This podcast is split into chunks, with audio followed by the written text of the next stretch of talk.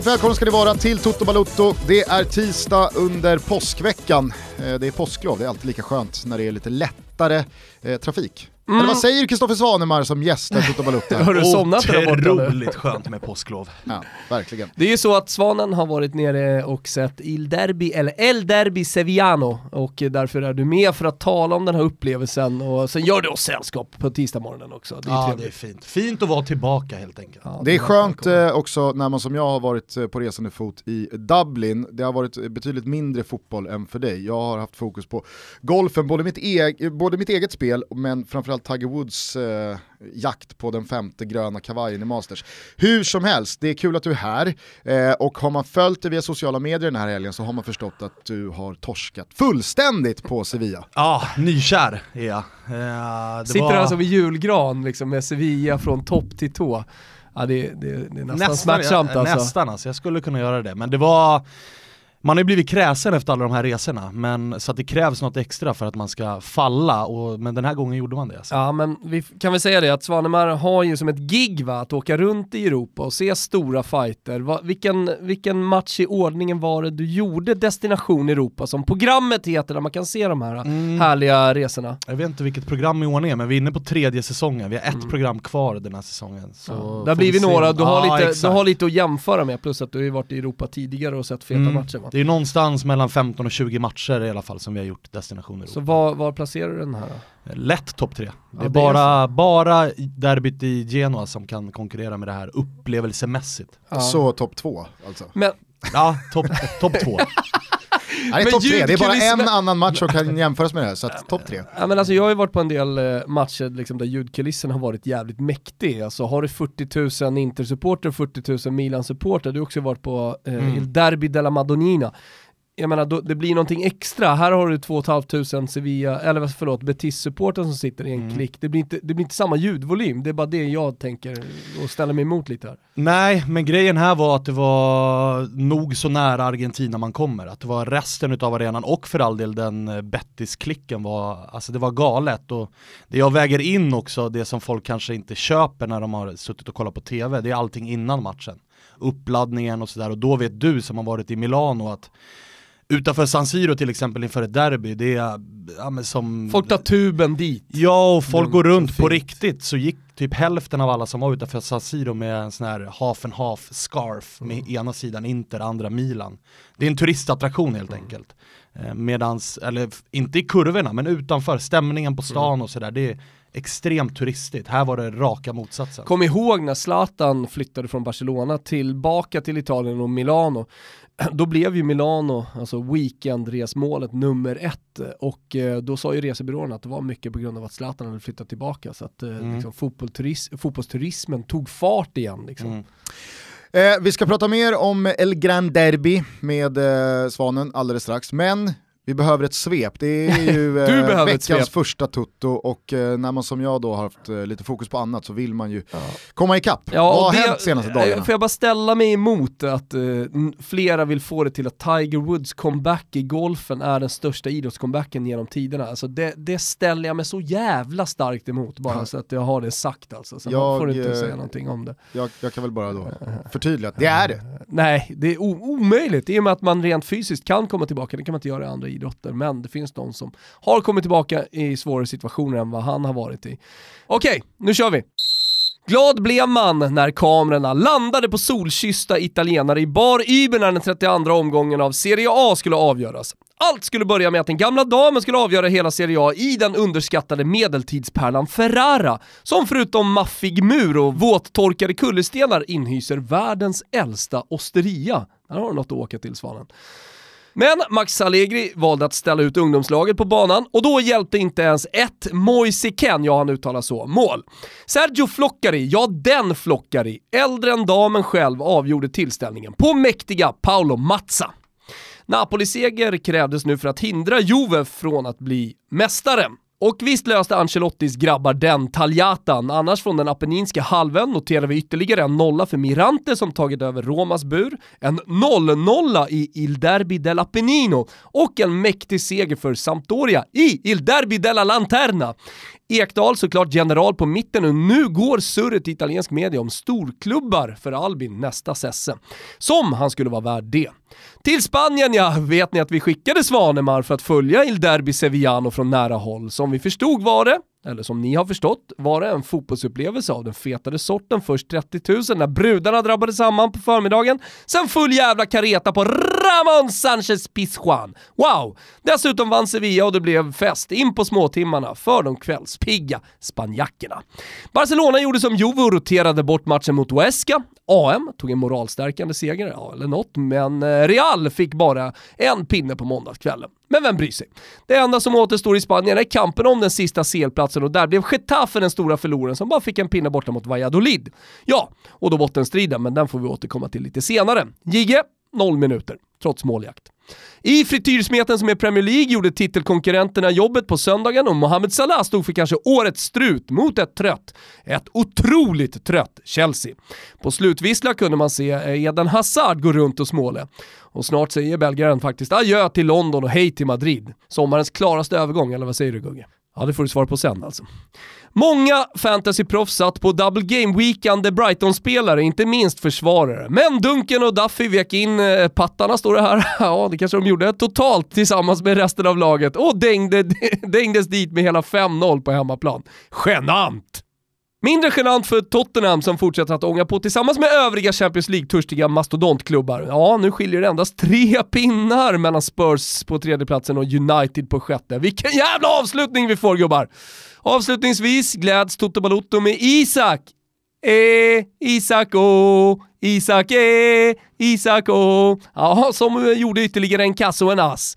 Nu radar storklubbarna upp sig inför sommaren. Roma säger de senaste ryktena. Men vi lär få höra mer om Solna-grammens framtid vad det lider. Just det, PSG har checkat ut helt och fullständigt och visst njöt man lite när Lill vann med hela 5-1 hörni. Samtidigt som Super Mario Balotelli blev mållös när Marseille studsade tillbaka. Svepformen är ju uppåtgående. Ja, den börjar ta sig lite här nu när våren är på, på, klass, på intågen. Det var ett mörkt 2018. Ja, det där var bra. Ja, det var, det var bra. Lite hackigt i början sådär, men sen kom det igång. Eh, får jag bara börja eh, med eh, de fullständigt hjärndöda slutsatser folk drar av Alexander Isaks målform i Holland. Har ni sett hur populärt det har blivit att så här, lista vilka andra stora spelare eh, som har inlett sin tid i Holland med Jaha, Luis Suarez, han gjorde minsann bara sju mål på sina första 14 matcher i Eredivisie. Säger ju en del om vart Alexander Isak är på väg. Alltså så här, det är ju otroligt det han gör. Såg jag för Vad är det nu, övrigt... 13 på 13? Hörru, just, det, just den statistiken såg jag för övrigt skymta förbi på Svanemars Insta-stories. Stämmer. Jag gillar den. du, du är en del av det här. Ja, jag gillar den. Nej, men folk har ju då listat liksom hur många mål gjorde eh, van Persie, Suarez, Ronaldo och så vidare på sina 13 första. Alltså John Guidetti är väl det alldeles ypperliga exemplet på att ta det lugnt här, sitt i båten. Vad Det- satt han på då efter 12 Men fighter? han gjorde väl eh, 23 på sina första 20 eller något sånt där. Ja, Alltså, ja, något sånt. och som du, Ja, men det, jag, som jag, du li, li, lite härligt subtilt igen fick in då, eh, alltså, så har ju Jiger ett trögt och det är ju många år sedan nu de här åren i Holland och det, det är ju egentligen eh, det är egentligen bara hans landslagsplats som mer eller mindre har varit motiverad som eh, har gjort att John Guidetti fortfarande är en, ja, men en anfallare som är på allas radar och tapet. För jag tror att hade inte han tillhört landslaget så hade ju kanske inte speciellt många av de som följer Guidettis framfart idag följt en anfallare men det- som sitter det- på kvisten i ett relativt okänt spanskt lag. jag tror däremot att kombinationen av den talang man ser i Alexander Isak, alltså fotbollsspelaren som man flyter fram och så som hans eh, landslagsspelare, eller landslagskollegor eh, eh, också har sagt då efter förra landslagssamlingen, liksom, och, och, att han är otroligt jävla bra och har varit liksom, bäst på träningar. Jag kommer ihåg Sebbe Larsson sa till oss i Studio AIK att, att det, det var något utöver det vanliga. Alltså kombinationen av den här statistiken, alltså de målen han gör och den talang man ser och den talang man får bekräftad av eh, folk som är nära honom. Eh, det är liksom det som gör att det blir extra intressant med Absolut. att han gör så mycket mål. Och, och det säger jag ingenting om. Jag vill, jag vill verkligen understryka om att jag tycker också att Alexander Isak ser helt otrolig ut. Mm. Alltså, jag skrev det på Twitter för några veckor sedan, att alla de som går in och brasklappar att ja, men vad är det för jävla försvarsspel i, i Eredivisie och det är, det är ett skämt. Ja men vad är det för jävla försvarsspel i Eredivisie? Absolut, men om det nu är så lätt att glänsa som anfallare så borde ju alla som håller en viss nivå stå på 1,0 i målsnitt och ha show varenda gång man spelar. Ja vad händer med Petersson men det gör ju inte, Ja men exakt, det gör ju inte alla utan Alexander Isak är ju på, på den nivån med, med ganska lite sällskap, så det säger väl någonting om någonting. Ja. Och återigen, hans insatser, det, det, man har sett, hans eh, målfacit, hans insatser i landslaget, alla vitsord, Absolut, jag tycker bara att det är hjärndött att liksom så här peka på några av de största anfallarna de senaste 20 åren. Men det här har ju gått internationellt också, alltså den här statistiken, det är inte bara sve, svenska twittrar Nej, säga, men alltså, alltså. Det, det, det, här, det här är någonting man pratar om alltså. Ja, men 97% av jordens befolkning är ju hjärndöda. så, så hjärndöda att de borde skjuta sig själv i huvudet, alltså, det, är inte, det är inte bara svenskar som är så hjärndöda Lilla... som de borde skjuta sig själv i, i huvudet. Och det är inte så att jag påstår att så här, kolla nu kommer han bli bättre än Ronaldo. Alltså, Nej men det är så det så, framstår. Ja, så kan nog säkert jättemånga tolka det. Däremot tycker man att det är mäktigt. Eller så är han alltså, det, det är fan vet jag. ja. Nej, det är hjärndött i alla fall. Eh, hur som helst, eh, hans straffmiss på tilläggstid här i eh, matchen mot Svolle kostade mig väldigt mycket pengar. Det var ju tråkigt.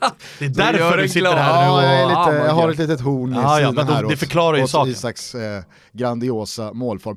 Det var någonting annat där som jag tyckte eh, du eh, fick in bra, kan det varit ett gigeset på kvisten trots Nej, måljakt? men alltså, vi, vi, skulle ju faktiskt kunna börja i Italien, det var en stekhet omgång. Alltså, vi hade derby, derbyt i Sevilla, men vi hade också Il Derby della Lanterna som har uppats här av, av Svanemar, men som alla som har varit på plats, eh, jag vet att det var en hel del svenskar där och såg Albin i, i helgen också liksom kablade ut bland det bästa man har sett någonsin. Alltså det, det var en mäktig match. Det var en mm. häftig match. Där har du också rivaliteten utanför. Alltså Sampdoria-supportrar och Genoa-supportrar, de, de buntar man helt enkelt inte bara ihop sådär. Nej men och sen så blir väl inte heller den lilla tårtbiten av bortasupportrar som man kunde se eh, på Ramon Sanchez Pizjuan. Ja, här är det ju kortsida mot kortsida. Det är lite mer eh, Råsunda, mm. eh, Stockholms derby.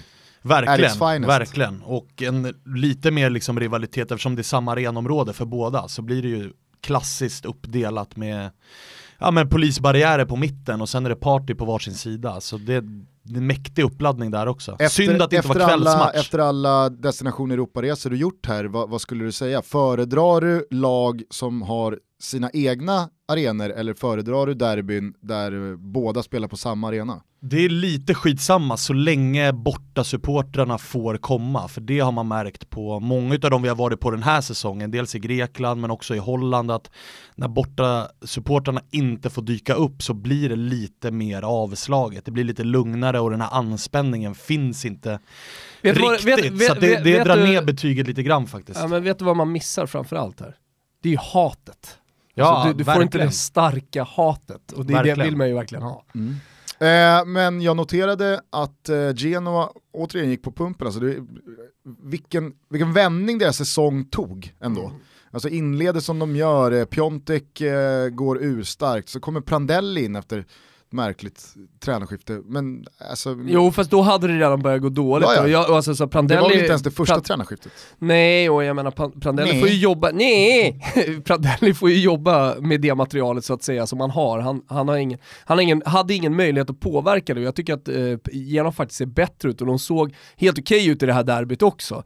Eh, 2-0 tycker inte jag speglar matchen till 100% heller och dessutom återigen då dom, ma massa domartavlor i den här matchen som framför framförallt missgynnar Genoa. Så att, eh, jag, jag, vill försvara den, den äldsta klubben i Genoa. Lite jag skulle bara komma till att Genoa inte har vunnit derbyt på eh, snart fyra år. Ja. Eh, och det betyder väl någonting, du som har varit där. Alltså, det, det känns ju som att eh, för de där klubbarna som sällan slåss för överlevnad, och kanske Genoa framförallt, ännu mer sällan slåss för några topplaceringar så blir det väldigt mycket mm. säsongsdefinierande matcher. Ja, och den märkte man, jag tror att jag var där och inledde den mörka sviten och då märkte man hur tungt det tog på dem. Att det, för att det är som du är inne på, de kan inte nå Europa, Genoa i alla fall. Och då har verkligen det här derbyt varit liksom prio ett. Så att det var, att se dem så här igen, jag har ju ömmat lite för Genoa, i och med att jag håller på Napoli så blir det ju automatiskt så. Men så, inte längre. Nej, inte längre, nu är det mer respekt. Det här äh, brödraskapet Alltså, är skalan, på, utbytt. eh, skalan då på tvillingskap, eller om tvillingskap är högst upp på skalan, eh, alltså supportervänskap, så, så har du vänskap därefter. Alltså tvillingskap, då, är man, då sitter man ihop mer eller mindre. Sen har du vänskap, amicizia säger man på italienska, eh, då, då, då är man polare. Och sen under det då så har man respekt. Och det är Eh, någonstans dit det har degraderats nu innan. Ja. Men Napoli var, var, var, var, alltså, är allt under paraplykategorin då, Gemelaggio?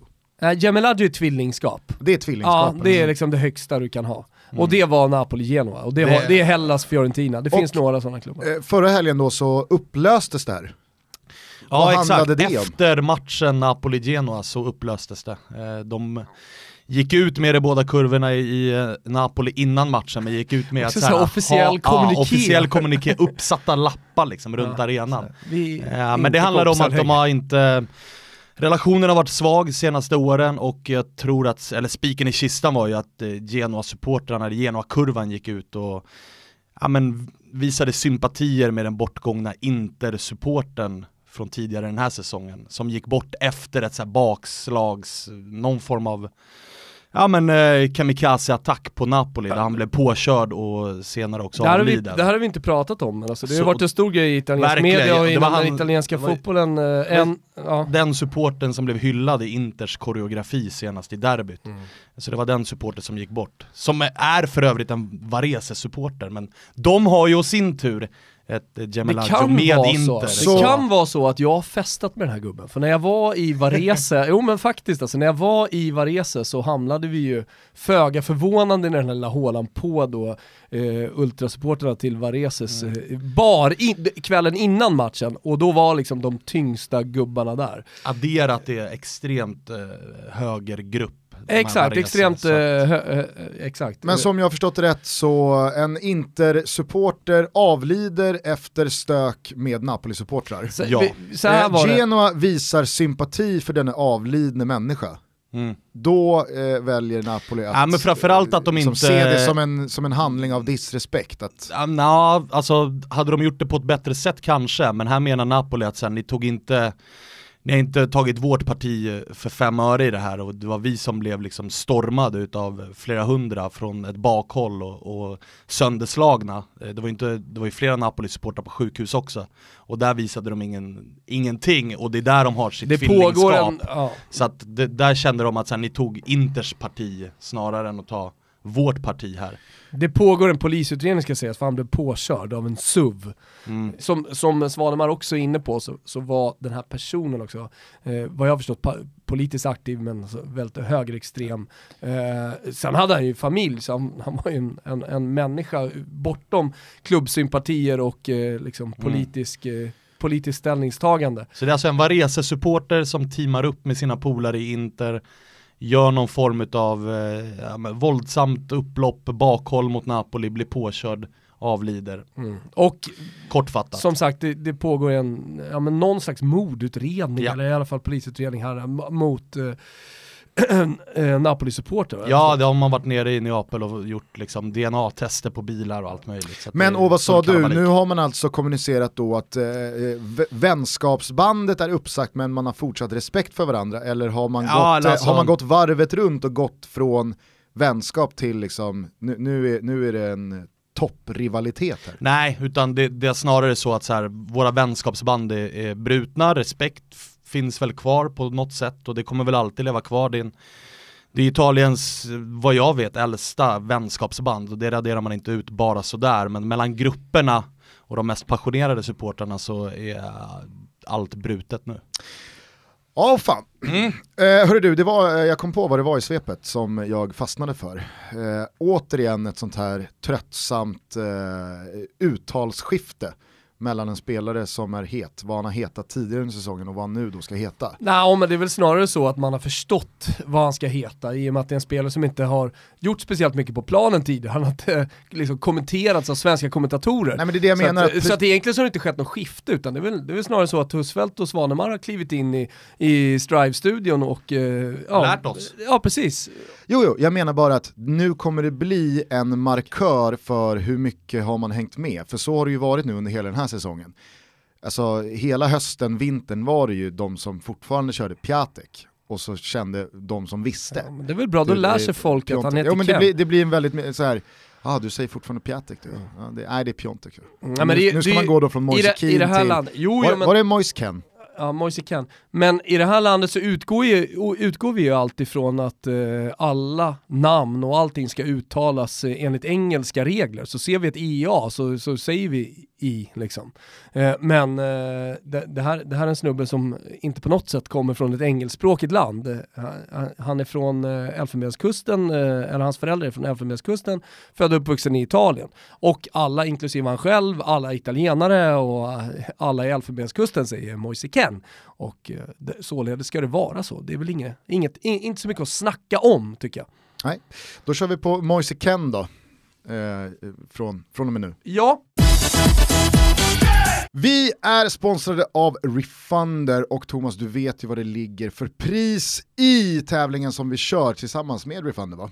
Ja, tillsammans med hotels.com så lottar Refunder tillsammans med oss också ut en resa till Champions League-finalen. Precis, dessutom med flyg och boende.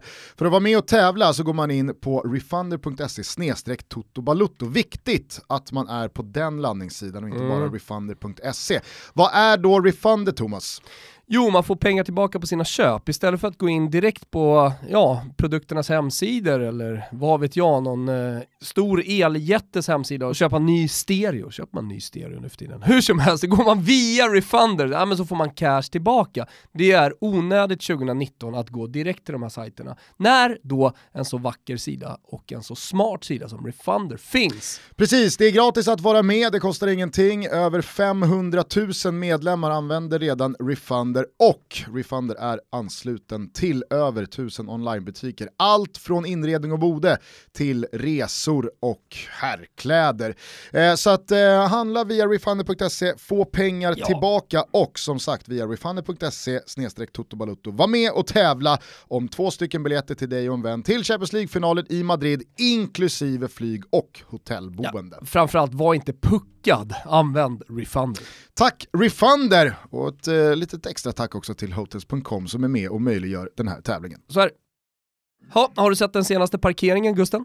Nej, Nej, men gjorde man ju en riktig dunderpark nu igen. du har ju börjat komma in med studs i steget här på Aj. Kungstensgatan. Ja, verkligen. Man blir så glad va, när man parkerar fem centimeter ifrån bilarna på båda sidorna. Så frågan om inte jag också ska ställa upp i den här tävlingen som du och Seat Micke ska göra. Frågan är om Seats bilar är extra lätta att parkera. Vad säger du? Ja, kanske. Kanske. Kuppran var ju lätt i alla fall. Vill man testa att parkera och göra andra saker med Seats bilar, kanske rent av provköra dem på full karutta, så kan man boka en provkörning via seatstockholm.se. Seat Stockholm finns på tre ställen i huvudstaden och när man väl har provkört och fastnat för en kärra, ja men då är privatleasingdealarna väldigt, väldigt förmånliga men framförallt smidiga. Mm, vi säger hej till Seat Micke och vi säger stort tack för att ni är med och möjliggör Toto Balotto. Följ också Seat Stockholm eh, via sociala medier för uppdaterade informationer och nyheter. Tack till Seat Stockholm! Eh, ska vi ta oss till eh, Sevilla då? Eh, det är ju inte bara fantastiska matcher du har fått uppleva eh, och med, med allt eh, däromkring, stämning och uppladdning och så vidare. Det är ett jäkla målsnitt du har. Ja, som faktiskt drogs ner lite Och då efter den här blev det matchen. ändå 3-2. Ja, vi hade ett snitt på 5,25 mål inför och nu var det bara 5. Så. På era resor. Ja, på våra resor den här säsongen. Så det är något helt sjukt vad man ska lasta över spel när jag åker ner. Jag ska, ska vara tidig med att uppa vilken nästa resa är så man kan vara tidig på liret. Gör man på Betsson? Ja, Nej, men du, du har ju eh, benämnt det här som eh, kanske det, i alla fall i Sverige, mest underskattade och lite bortglömda eh, storderbyt i fotbolls-Europa. Mm. Eh, motivera det Ja men det har väl kanske stämpeln. framförallt att göra med att man eh, rackar ner lite på Spanien, med all rätt. De flesta lagen där är ju, som jag var inne på, liksom pipas, tuggande, tillbaka, lutade supportrar, rätt kräsna som vill se fin fotboll och det har man väl med sig eftersom man ser oftast Real Madrid och Barcelona och där är det ju verkligen så att det är noll stämning, det är ingenting i stort sett. Klubbarna har gjort sitt för att få bort de supportrarna men här i Sevilla så har man väl alltid, när man tänker på dem så har man väl alltid så här, ja, men det ser ut att vara jävligt bra på tv, ganska bra drag, hög ljudvolym, men man fattar inte riktigt förrän man är där hur, hur bra det är. Eh, de senaste åren har ju dessutom Betis haft problem och till och med varit i segundan, så det har inte varit något derbyn att uppleva. Men eh, jag hade höga förväntningar när jag åkte ner och de infriades verkligen alltså.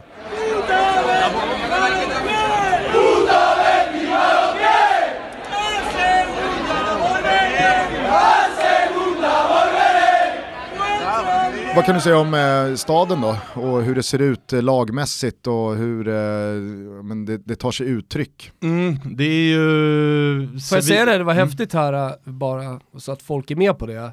Och om de inte fick med sig det från svepet så, så var det ju en extremt viktig match, inte minst för Sevilla, att, att faktiskt ta tre poäng i kampen om den här sista Champions League-platsen. Ja. Så det fanns ju verkligen något, något sportsligt också. Och Betis som jagar låg och Europa. League, så båda hade verkligen mycket att spela för. Och, Eh, alltså om staden rent fotbollsmässigt så märker man inte, det är inte en stad som, är, som man tänker på att många medelhavsländer runt eh, med, eller, eh, södra medelhavsländer så är det ofta mycket klotter och nedgånget och man kan se mycket liksom flaggor på balkonger och väggmålningar och allt möjligt. Sånt var ingenting här egentligen.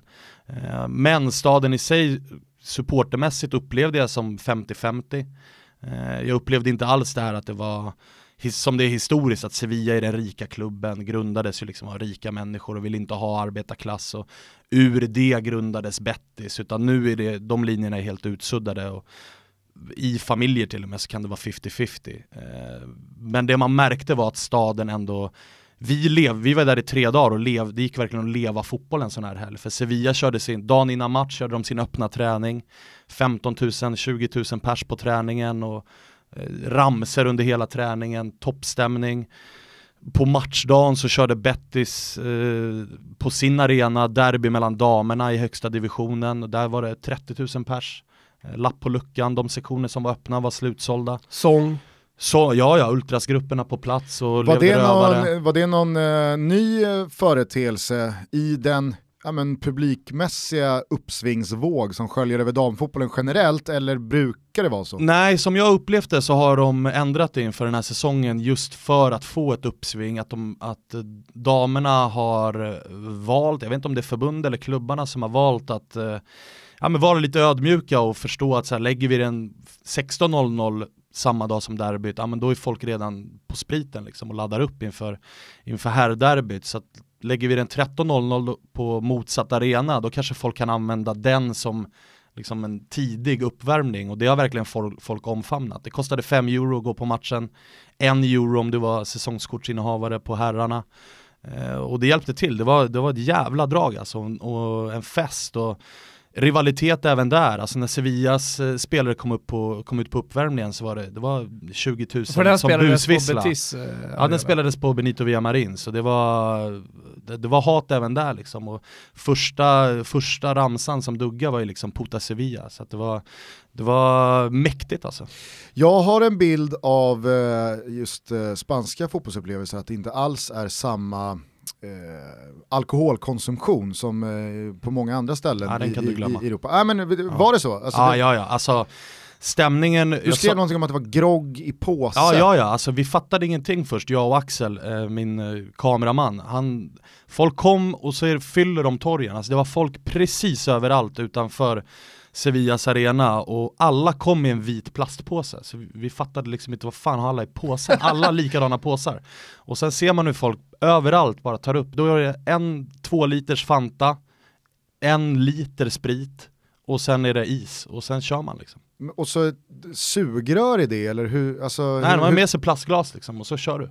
Det bara står och groggar. Aha. Det har ju varit liksom Alltså, det alla är vi... så, min mormor körde ju de klassiska groggarna, vodka, cola och sånt. Ja men det var Men ju den hur- nivån alltså. hur- Whisky, cola alltså, eller någon sprit och Det fan. är den Alltså, här, det var... det är den här detaljen Calimucho har man ju annars med sig från, eh, det var från allt- Spanien. allt alltså. möjligt. Cola röv, rödtjut. Häller man då ut grogg ur påsen eller tappar man ur på något sätt? Du är Eller- fastnat i påsen, Ja, lås dig inte, ja. lås dig inte. Du är bara att du har groggen i jag en måste ha, plastpåse. men jag måste ha, ja, du, du går ner med glaset i påsen och bara liksom hinkar upp en grogg. Nej nej, alltså du har ju, du har ju spritflaska, Fantaflaska, Ja. glas.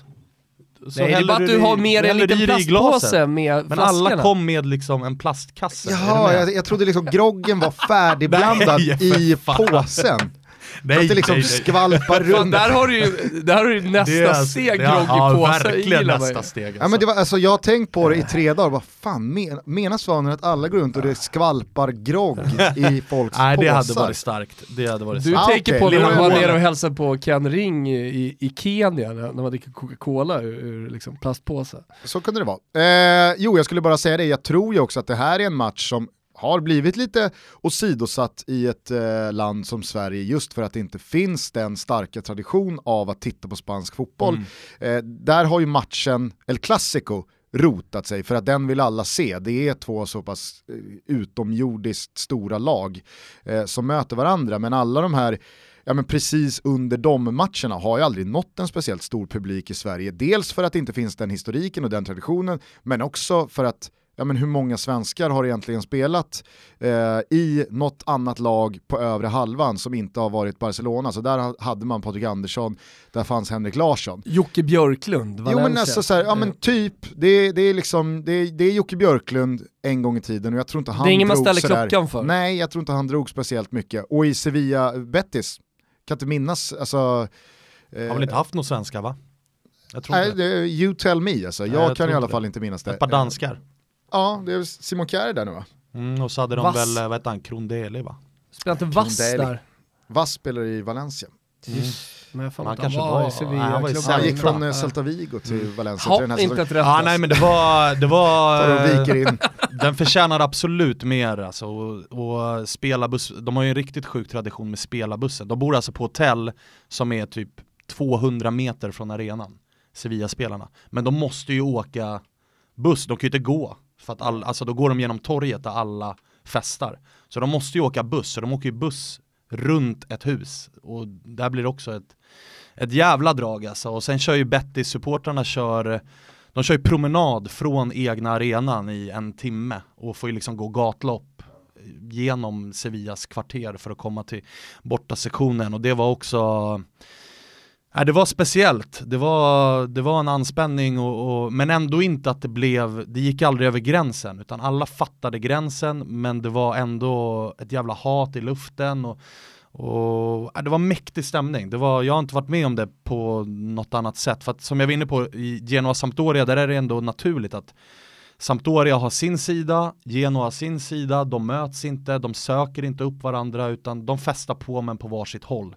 Här är det verkligen bortaplan och det tycker jag gör någonting och det tycker jag även har gjort, ja, men att jämföra med derbyn i Stockholm, att jag har gjort någonting att det, det är det enda positiva egentligen med att Råsunda försvann, det är att nu får lagen faktiskt ett bortaderby i sin egen stad och det, det tycker jag har höjt rivaliteten i Stockholm. Men eh, var det några fysiska konfrontationer också? Var det liksom eh, den upptrissade stämningen utanför arenan eller var, var, det, liksom, var det hat på en ändå nice nivå? Ja, det jag skulle säga att det var på en nice nivå. Vi träffade och hängde lite med ett eh, par grabbar från eh, Biris Norte, Sevillas ultrasgrupp och de sa ju, för vi frågade när kommer eh, Betty-supportrarna?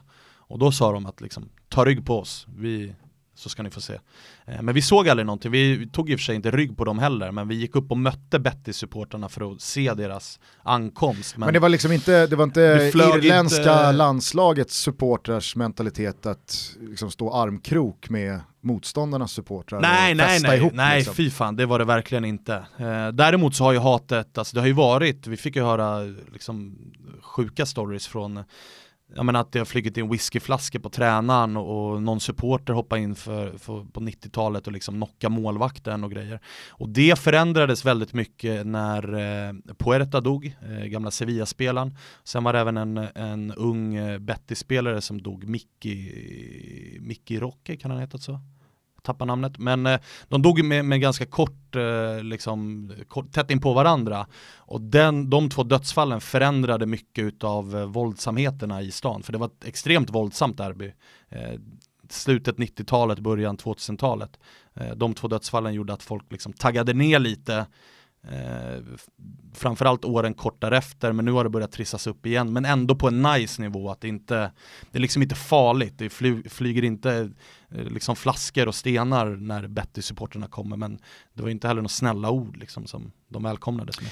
Jag såg att du skrev på din Twitter att närmare, närmare Argentina än så här så kommer man inte i Europa. Nej, jag, jag har inte gjort det i alla fall. Men då tycker jag ändå att det är på sin plats, för att det här har ju vi eh, inte nämnt i Toto, det är säkert många som har missat det. Men såg du för några veckor sedan eh, den här eh, Racing-supporten som firade klubbens eh, ligaguld. Mm. Det var det första ligaguldet på väldigt länge. Eh, I Buenos Aires eh, med att eh, gå till sin morfars grav och eh, gräva upp hans eh, Skalle. skalle. Ja. Och så gick han ut på gatorna och, och liksom firade med morfars Men- kranium. Ja, det var, det var ju faktiskt sinnessjukt. Väldigt mycket Argentina över det kan jag tycka. Eh, Men, men det mest anmärkningsvärda med bilden, för han ställde ju upp på fotografi liksom, när han stod där med skallen, det var ju det var, det var hans hårväxt precis eh, ovanför byxlinningen. Det man du- brukar kalla för raggarsträng, det var inte direkt en sträng där. Det var... Men du har väl en lite likadan? alltså, jag tänkte direkt jag på säga, dig när jag såg den här. Nej, men han ser ju otroligt obehaglig ut eh, och, och den där lilla hårfläcken kropp eh, i sig, men att han går och gräver upp sin morfars huvud och tar med på gatan och tycker att det är rimligt. Bara så bara så här, morfar hade varit stolt. Alltså det räcker inte med en Aftonbladet-artikel. Alltså, det, det, Nej, det här det är... behöver, det, Ja, det är det behöver pratas om det mer. är ny nivå alltså. Det är ny nivå. Såg ni i helgen också den River Plate-supporten som tatuerade in QR-koden till Ja, när, när, Det är lite mer när de spöade Boca Juniors. Det är lite så- mer modernt. Jo, jo, men nu har de ju tagit ner den videon av rättighetsskäl, så scannar man hans kod nu så kommer man liksom ingenstans. Nej, men, och, Det är så och, det, och, är så, och det är så jag, jag kan ömma verkligen med honom, för att hade inte eh, hans eh, liksom själva eh, tatueringsprocess förevigats och det hade skickats ut, så hade ju ingen vetat om att han har den, således hade alla låtit det det där målet eh, vara kvar. Mm. Om jag förstod det rätt så var det ju någon eh, kille på Twitter som bara gjorde det här för att jävlas, det var ingen Bocca-supporter, utan han gjorde det bara för att jävlas. Eh, Anmälde typ. ja, men exakt. samtidigt, han måste ju fatta det. Alltså, han som tatuerar in det, att det här kommer ju hända. Framförallt att det Absolut. kanske videon inte ligger i all evighet. Alltså det finns, om du vinner Copa Libertadores så finns det ju tusen grejer att tatuera in. Men att tatuera in QR-koden till YouTube-klipp Det på hade, liksom en det, ful hade, stream. det hade funkat om han inte hade skickat ut videon på att han har gjort den här eh, Nej men, tatueringen. nej men troligtvis så gjorde han ju tatueringen för att skicka ut videon. Han visste ju att det här kommer ju bli Ja. viralt.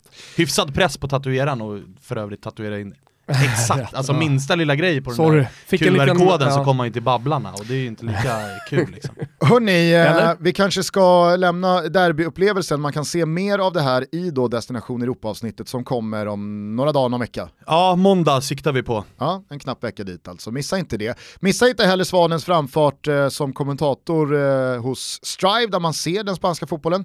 Dessutom alla matcher från Serie A och MLS. Eh, bara ur det sportsliga perspektivet, fick du upp ögonen för någonting i eh, något av lagen på planen?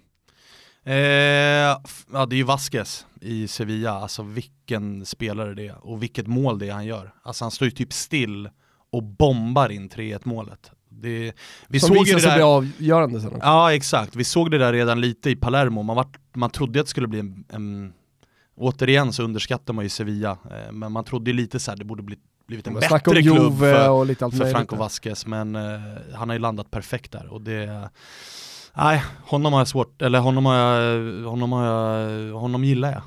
Är det annars eh, Banega som är kingen eller? Ja han är ju general. Han har ju tagit ett steg ner i banan lite. Han brukade ju vara, han var ju tia förut och tia i Inter, lyckades inte riktigt. Nu är han mer liksom, ja men bara fältherre, glider runt där i mitten och är, är, är skön. Annars hade ju, alltså Jesse i Betis, Så dålig spelare. Alltså, vilken usel spelare. Ja, Ja, nej, ja, den har gjort och- kaos i allsvenskan om man ska tro din uh, Ja, alltså det är, det är klart att han hade gjort det. Alltså, men på den här nivån så, nej han håller ju inte. På tal om allsvenskan, eh, jag eh, hann med att se två matcher i eh, går, måndag. Helsingborg tog ännu en fin hemmaskall på Olympia. På tal om som Man, Olympia. som man är på ditt eh, ja, men liksom kärlekståg mot Olympia och Helsingborg som allsvensk arena. Ja, men, Solen skiner, det är vår i luften, gräset är ju kanon och ja, men, eh, arena, de har, fan vad de har fått till den där renoveringen. Jag eh, inledde ju svepet med att det var härligt att se när kamerorna landade på solkyssta italienare. Det var två bilder från igår som jag, som jag blev väldigt glad för. Först då när, när Olympia uppenbarade sig, ett solkysst Olympia har ju verkligen någonting jämfört med alla andra arenor som blir solkyssta. Och sen så när eh, man såg bilderna från Hammarbys klack och man eh, såg katten då, god vän till mig och Capo i, i, i Bayern eh, stod och var solkysst, även han. Då, då Dock blev ingen jag alldeles varm. Ingen bar Iber när kameran landade på honom, men jag kan tänka mig att eh, någon gång under matchen så var det bar Iber. Men eh, fan, det är någonting med de här vårmatcherna, alltså tidiga vårmatcherna i Italien, eh, när man ser att folk har t-shirt eller då rent ut sagt bar Iber, eh, men också i allsvenskan. Alltså när de första vårdagarna kommer. Prata om studs i steg och komma in här, alltså det, det är lätt att vara glad bara av att eh, liksom, vintern är över. Men att få det på fotbollsarenorna också, då, då, då räcker det med att kolla på tv ibland för att få de vårkänslorna. Ja. Och det fick man verkligen från Olympia. Jag eh, måste ju säga det att i eh, en tid här nu inledningsvis av den svenska elitfotbollssäsongen där det har varit en hel del snack om eh, konstgräs versus naturgräs. Eh, det har kablats ut bilder från diverse naturgräslags hemmaarenors inledning där det ser ut som potatisåkrar eh, och så vidare så är det ju ändå äh, fint att se Olympias gräsmatta. Ja, men där har du Klass. återigen solkysst. Jag menar, har en solkysst eh, konstgräsplan har ju absolut ingenting, men en solkysst eh, naturgräsplan har ju precis allting. Man kan känna gräsdoften genom eh, skärmen. Sen så var ju den här matchen verkligen en stilstudie i den här diskussionen om vad konstgräs som underlag gör för närkampsspelet. Att man hinner inte in nära varandra. Det blir inte speciellt många riktigt eh, fysiska dueller. Pressspelet blir annorlunda. I den här matchen så smällde det ju alltså från minut ett och det fanns väl både ett och två röda kort att dela ut i den här matchen. Men jag tycker Helsingborg imponerar. Eh, man gör det framförallt som lag, alltså organisationsmässigt. Svåra att liksom komma till chanser mot och tunga, rutinerade, så smarta. Medan Hammarby, de står ju här nu på två pinnar efter tre matcher eh, och eh, jag vet inte, även fast Kartansson hittar första målet igår och, och ser ju lite halvlur ut så tycker jag att det är många spelare som har inlett snett här alltså.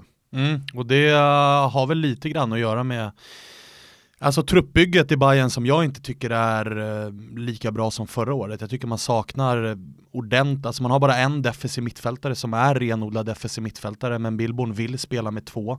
Nu har man dessutom lite skador i, man åkte på sena skador i backlinjen och och den här uppsnackade Odilon är ju inte på den nivån som han kommer nå i sin framtid. Det är väl alla rätt säkra på att det Nej, finns jättemycket potential men där är han inte ännu. Och hade Fenger kunnat spela igår bredvid Fällman, men då hade det väl inte varit så konstigt att man väljer att, spela, alltså väljer att sätta Odilon på bänken från start. Men när det blir ett sent återbud på Fenger och man då drar in Solheim som mittback med Odilon fit for fight på bänken, det är en ganska, ganska tydlig signal då.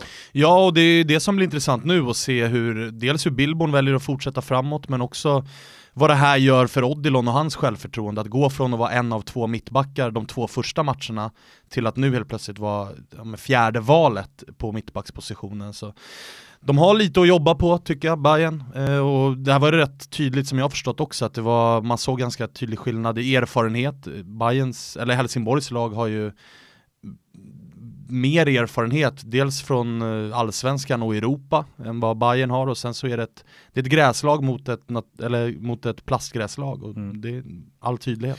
Nej, och sen längre fram i banan så tycker jag att det är oerhört resurslöseri att spela Nikola Djurdjic som någon slags mittfältare.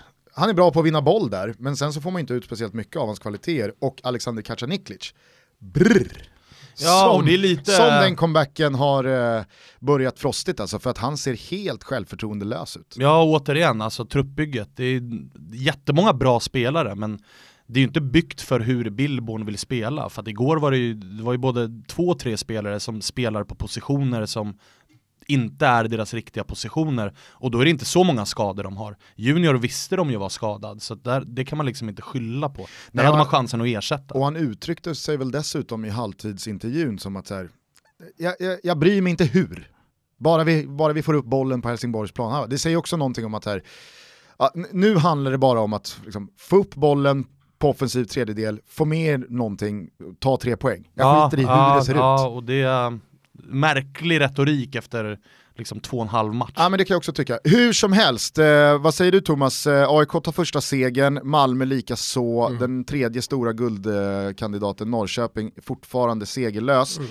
Eh, var det så som, eh, om man ska ta det i rubrikform, att Rosenberg tillbaka från start, då flög allting igen för Malmö och de såg riktigt bra ut. Medan AIK tog en krampaktig seger som Så. snarare andades en poäng än tre poäng. Ja, men man kan faktiskt prata om två, två spelare i de förmodade topplagen Malmö och AIK eh, som gjorde stor skillnad. Först och främst Marcus Rosenberg eh, som eh, liksom adderar någonting till, till Malmö FF. Alltså de, de får en trygghet i sin spel. Jag, jag tycker också han kommer in och ger hela laget självförtroende på något sätt. Och sen så är han ju direkt avgörande med sitt spel också, passen till Antonsson, inte minst. Men jävla bra och en ledare på planen. Jag tycker alla lag måste ha en ledare på planen. Vi pratade om Hammarby tidigare. Tycker man, man, man saknar en riktig liksom, Hammarby-ledare på planen. Djurdjic kan vara det emellanåt, men han är inte riktigt på den nivån såklart som Rosenberg är. Sen går inte det att bara värva. Det, det, det är det som är så svårt va.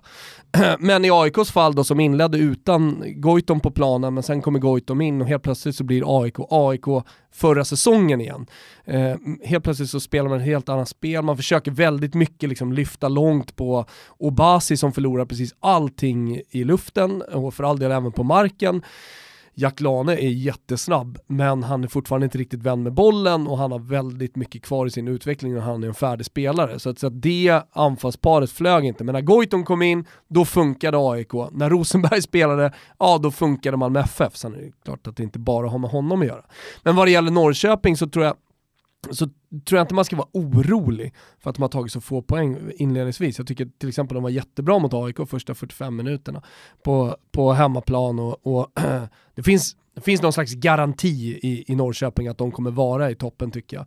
Och, och det, Men kanske lider Peking lite av det där som AIK och Malmö. Alltså, Malmö är ett lag utan Rosenberg, ett annat lag med honom. AIK är ett lag utan Goitom, Mm. ett annat lag med honom. Norrköping är fortfarande ett lag utan Ante Johansson, Ja. men han finns inte längre. Nej men jag tror att de det kommer Norrköping hitta det. finns för inte det. igen. Nej men jag tror att de kommer hitta det. Det finns många spelare som kan ta över den fanan där. Och, och jag- jag vet inte, det kanske finns i Bayern också, men jag ser det tydligare i till exempel Simon Thern i Norrköping.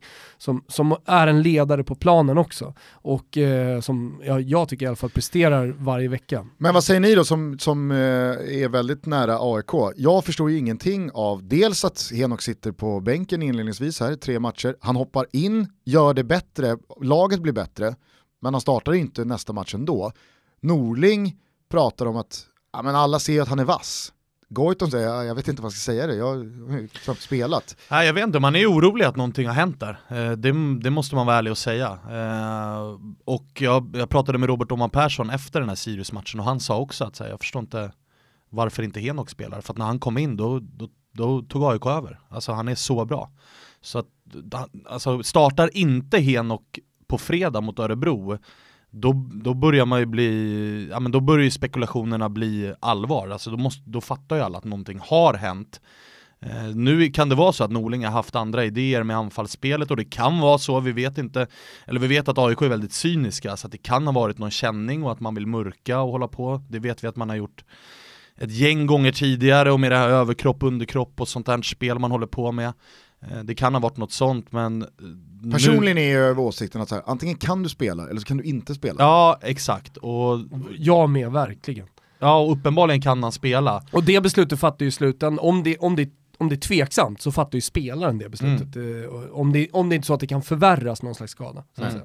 Och med tanke på Basis insatser, eller insats framförallt här mot Sirius så Startar inte Henok på, eller på fredag mot Örebro, då är det ju, då är det ju något som har hänt. Eh, måste ju säga det också att Djurgården tar ännu en seger som eh, på sitt sätt är meriterande. För att, eh, vad är det den gamla klyschan säger? Att vinna när man inte eh, spelar bra, det är ju det är ett signum av ett topplag. Eh, och där tycker jag att eh, Djurgården ja, men verkligen har någonting att bygga vidare på. För eh, även fast eh, Tolle Lagerlöf efter matchen då säger att äh, men jag, jag stod och kände att Djurgården har världens sämsta tränare. Eh, och att alla kunde se att eh, Blåvitt gör en bra match, kanske förtjänar mer. Framförallt har ju oflyt att åka på utvisningen där när Karasjvili eh, halkar. Men att Djurgården ändå går segrande i den där striden, de har lite spelare fortfarande på väg tillbaka, på väg mot formen, nu saknades Vittry.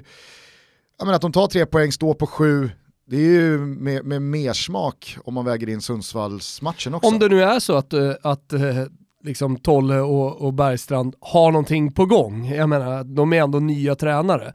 Eh, så att eh, fotbollen kommer att bli bättre och bättre ju längre säsongen går. Alltså det får man ändå tro. Är det så, ja då är de, då är de ju ett topplag. Och, men då måste man också få igång sin anfall, sina anfallare. Alltså utan mål så vinner du inga matcher. Nej men du har ju Buya Turay då med mål i varje match det, det, det, är det jag menar, och de har, alltså, viktigare för mig i så fall, det är att de har fått igång sin målskytt. Alltså, det är så, folk underskattar det. Och jag menar, det, det, kan låta lite banalt att prata om att ah, man måste ha en, eh, en, en, en, spelare som sätter bollarna. Men, men kolla på Örebro. Viktor Prodell och Carlos Strandberg, ja ser jättebra ut på papper men de har fortfarande inte gjort mål. AIK, ja de har inte fått igång sina anfallare heller. alltså, det, det, är så jävla viktigt att man känner en trygghet i det. Man, man pratar ofta om trygghet defensivt, att, att man sätter försvaret. Och att det på något sätt sen sprider sig över hela laget. Men, men jag, tycker, jag tycker att det är en lika stor trygghet att man vet att man har en, en spelare på topp som kan avgöra det där i 89 minuten. Och, och vi, vilket han gör. Och det tror jag också kommer liksom leda till att, att Djurgården får ett större självförtroende redan i nästa match. Ja, och återigen så kommer det bli press på Bosse. Vi vet ju att Boja är bara på lån fram till sommaren och fortsätter han så här, då... Är det inte hela säsongen? Nej, det är väl bara fram till sommaren? Jag tror att det är hela säsongen på Boja. Blandar ihop honom med Kjartansson kanske? Ja. Ja, okej. Okay. Eh, hur som helst så är man ju känsliga på topp för att det är ju bara Boja man har. Ja, Fortsätter han så här... ABV ja, det är ju, ja, det är ju inte samma nivå alls. Men eh, jag är helt inne på Thomas linje. Alltså även när spelet, nu har Djurgården spelat, gjort en fantastisk match mot Örebro, så de visar att de har den höjden, och de har visat också att de kan vinna trots att de är dåliga. Mycket tack vare att de har en sån spelare som Buya Turay.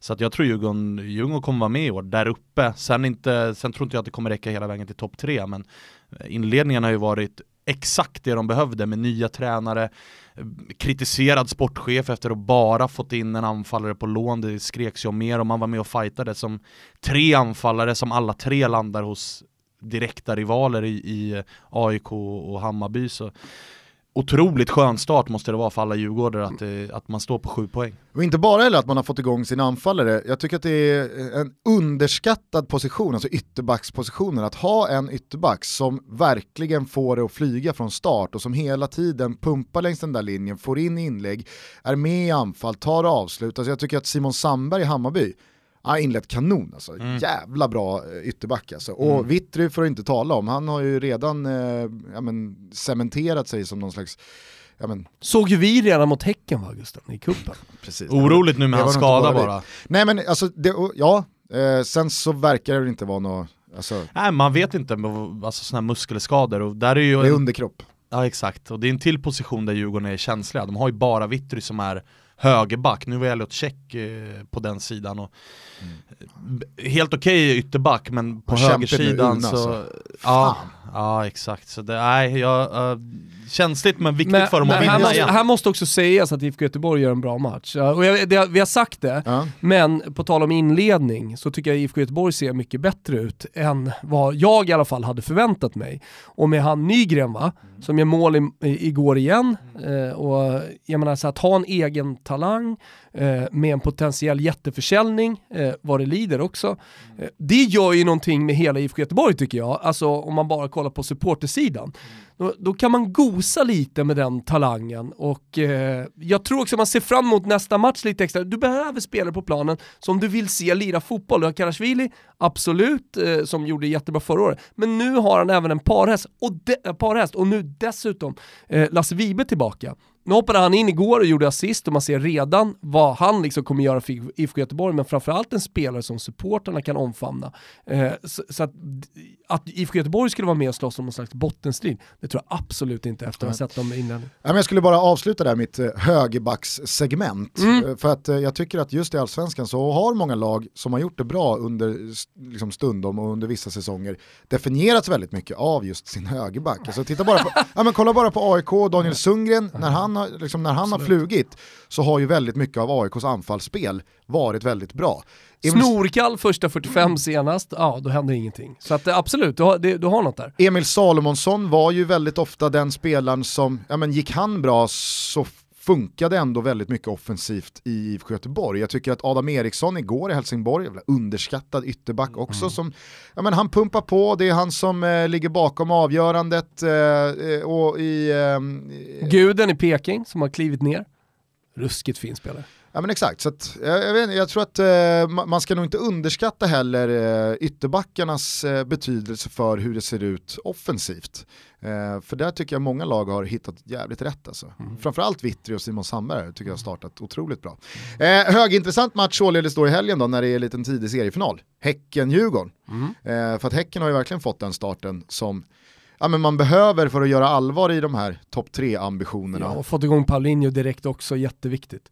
Mm. Jag ska bara inrikeskorren få, få ordning på sin vad var han kallade den? Gubb, gubbavaden. Ja, gubbavaden. Men kan vi bara gå tillbaka till Nygren lite snabbt? Jag tycker att det är, alltså han har ju fått lite skit nu, det var någon i blå, jag kommer inte ihåg vem det var, som gick ut och redan jämförde och liksom Alexander Isak, mm. också tonåring, också gör mål och assist direkt från början. Han har ju fått mycket skit nu från supporterhåll, men där tycker jag att han gör helt rätt, att han går ut, snackar om det i media, för att han vet ju att med tanke på Isak-hypen som råder nu och det snackas om Roma, Real Madrid och Chelsea och allt vad det är, och att Isak, eller att Nygren kliver in i allsvenskan i samma ålder och direkt gör ja, med mål och assist och poäng. Hur gammal han är han? 17. Han är ju bara smart här som går ut, tycker jag, och liksom börjar prata i de termerna. För att för att höja marknadsvärdet. Mm. Och där, som du är inne på, Thomas Blåvitt gör ju, det, enda, alltså det är bara att spela honom hela tiden. Ja, det, det, enda, det enda man ska se upp med, nu kanske inte det är så i fallet Nygren, jag har ingen aning för jag känner inte honom, men det är liksom håll fötterna på jorden.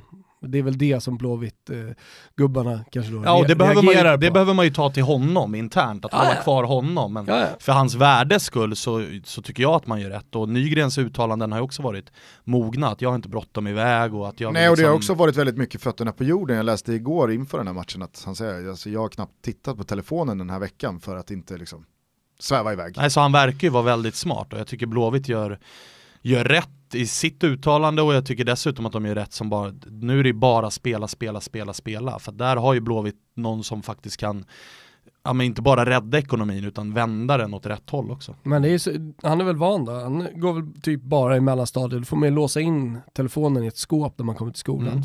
Det är bara Fortsätta. låsa in den där på Kamratgården. Hörni, vi ska börja avsluta. Jag är ruskigt Pepsi på eh, kvartsfinalreturerna i Champions League som drar igång ikväll tisdag. Eh, Svanen med en eh, jäkla massa spelpoddar i ryggen. Numera kör du speltugg tillsammans med eh, vår vän eh, Kviborg mm, i eh, Betssons regi också. Eh, hur slutar det? Vad tror du? Vart finns värdet?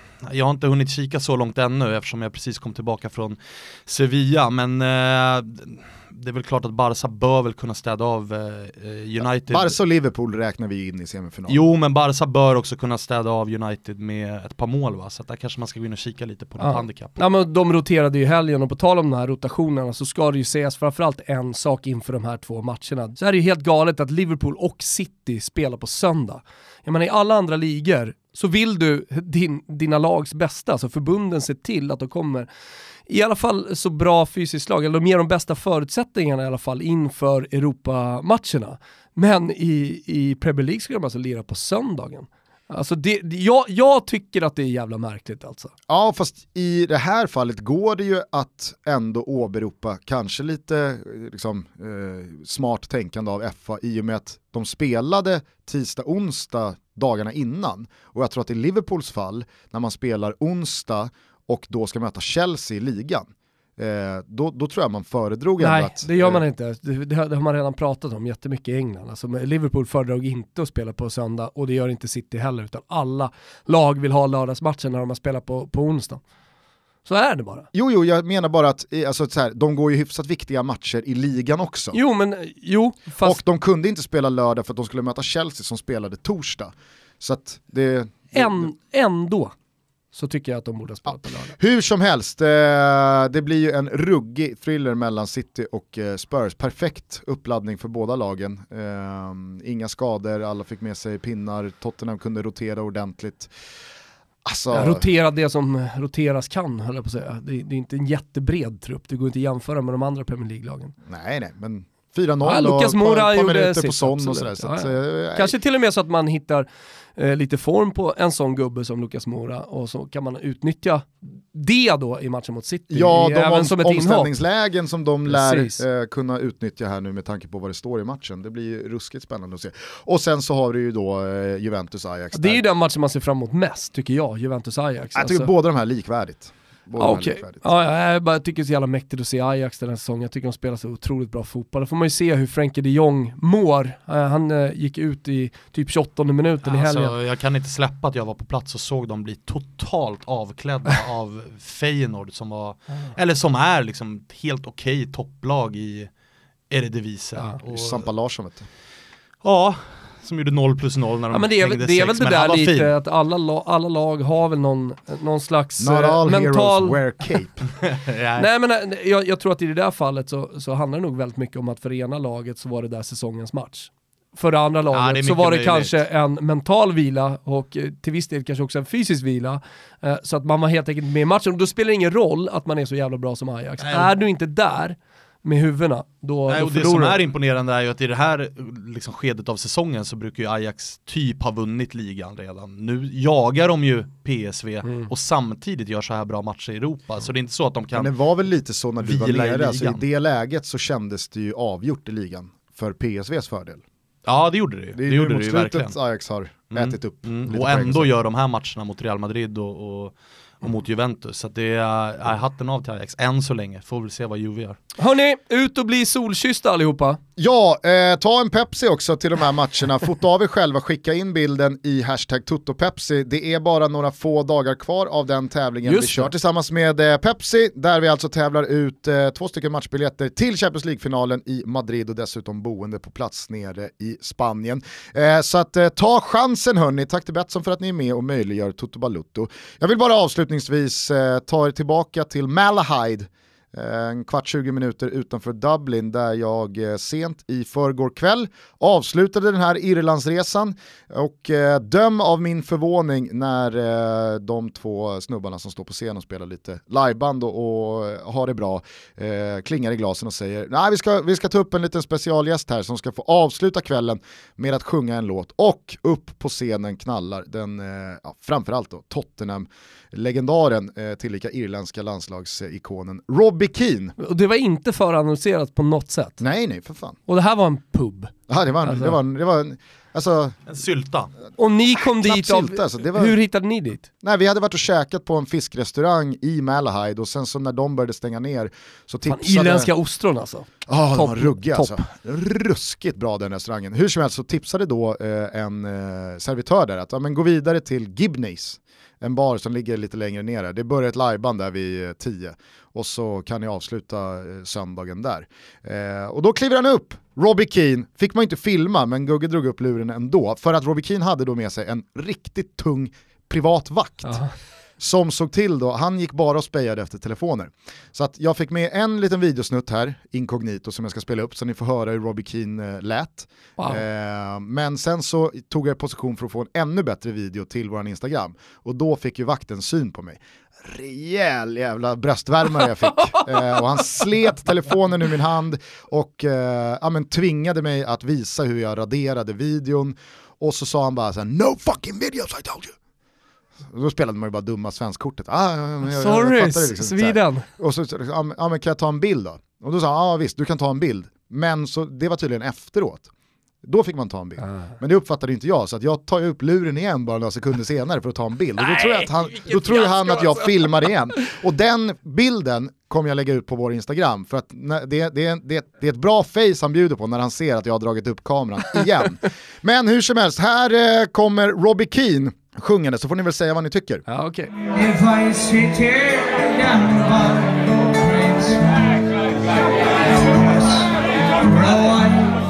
need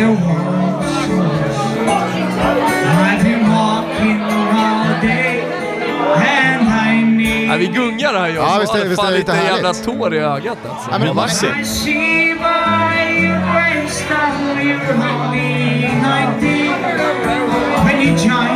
Man älskar ju att han inte sjunger 5 plus bra, utan det är så här, det är tre starka plus. Men det gör det ännu bättre, det finns någon sårbarhet i den här rösten. Ja, och sen så är det där säkert en superkänd eh, irländsk folkvisa. Eh, Men inte vet jag. Eh, jag. Jag tyckte i alla fall att det var en otroligt härlig avslutning på en, en helg när liksom Robbie Keane, med allt vad han har uträttat på fotbollsplan, både i klubb och landslag, ja, men har flyttat hem efter karriären, bor i, i sitt Malahide och bara går rakt in på sin lokala pub och avslutar veckan han Det också. är ju rätt sjukt, alltså det är inte lilla ikonen. Nej, nej, nej, för fan alltså. Men han var ju, han var ju man märkte att det, det är ju det är ett par som har försökt både eh, ta det ena och det andra av honom. För att när, när jag och Dobben då eh, lämnar stället eh, och står och väntar på en taxi utanför så kommer Robbie Keane med en pint i handen bara ut på gatan solo.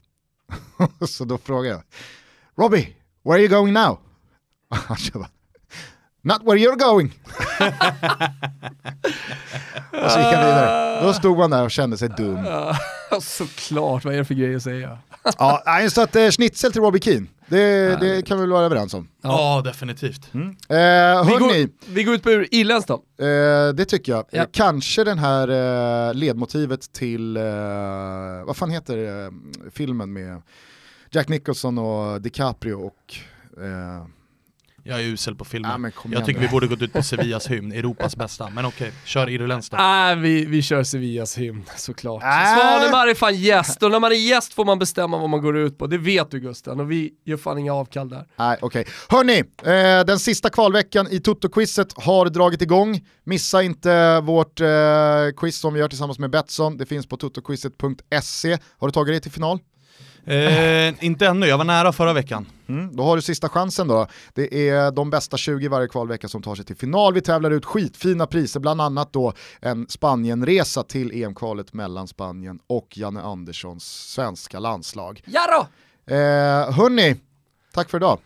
Stort tack. Ciao tutti. På torsdag så hör ni vårt eh, gästavsnitt med den oefterhärmlige Lasse Granqvist. Vad fin han är. Det blir härligt. Ciao tutti! Ciao tutti. Ciao tutti.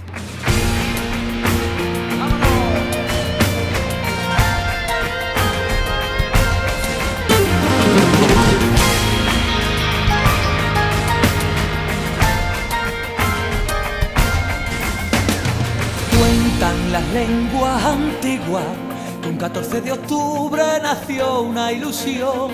Su madre fue Sevilla y le prestó su nombre y para defenderlo le dio a una afición. Ejemplo de sevillanía, familia roja y blanca del Sánchez Pizjuán. Un corazón que late gritando Sevilla llevándolo en volandas por siempre a ganar. Y es por eso que hoy vengo a verte, sevillista seré hasta la muerte. La Giralda presume orgullosa de ver al Sevilla en el Sánchez Pizjuán.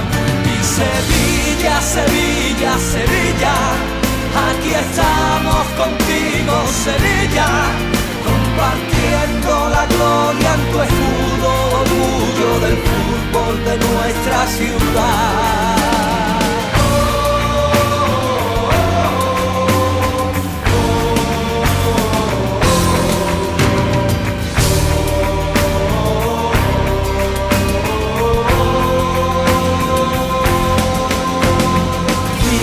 Que nunca se rinde y el arte de su fútbol no tiene rival de 100 años lleva mi equipo luchando y abanderando el nombre de nuestra ciudad.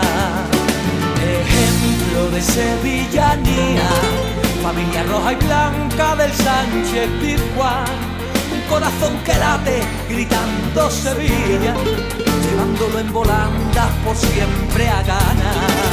Y es por eso que hoy vengo a verte Sevillista seré hasta la muerte. La Giralda presume orgullosa de ver al Sevilla en el Sánchez Pizjuán.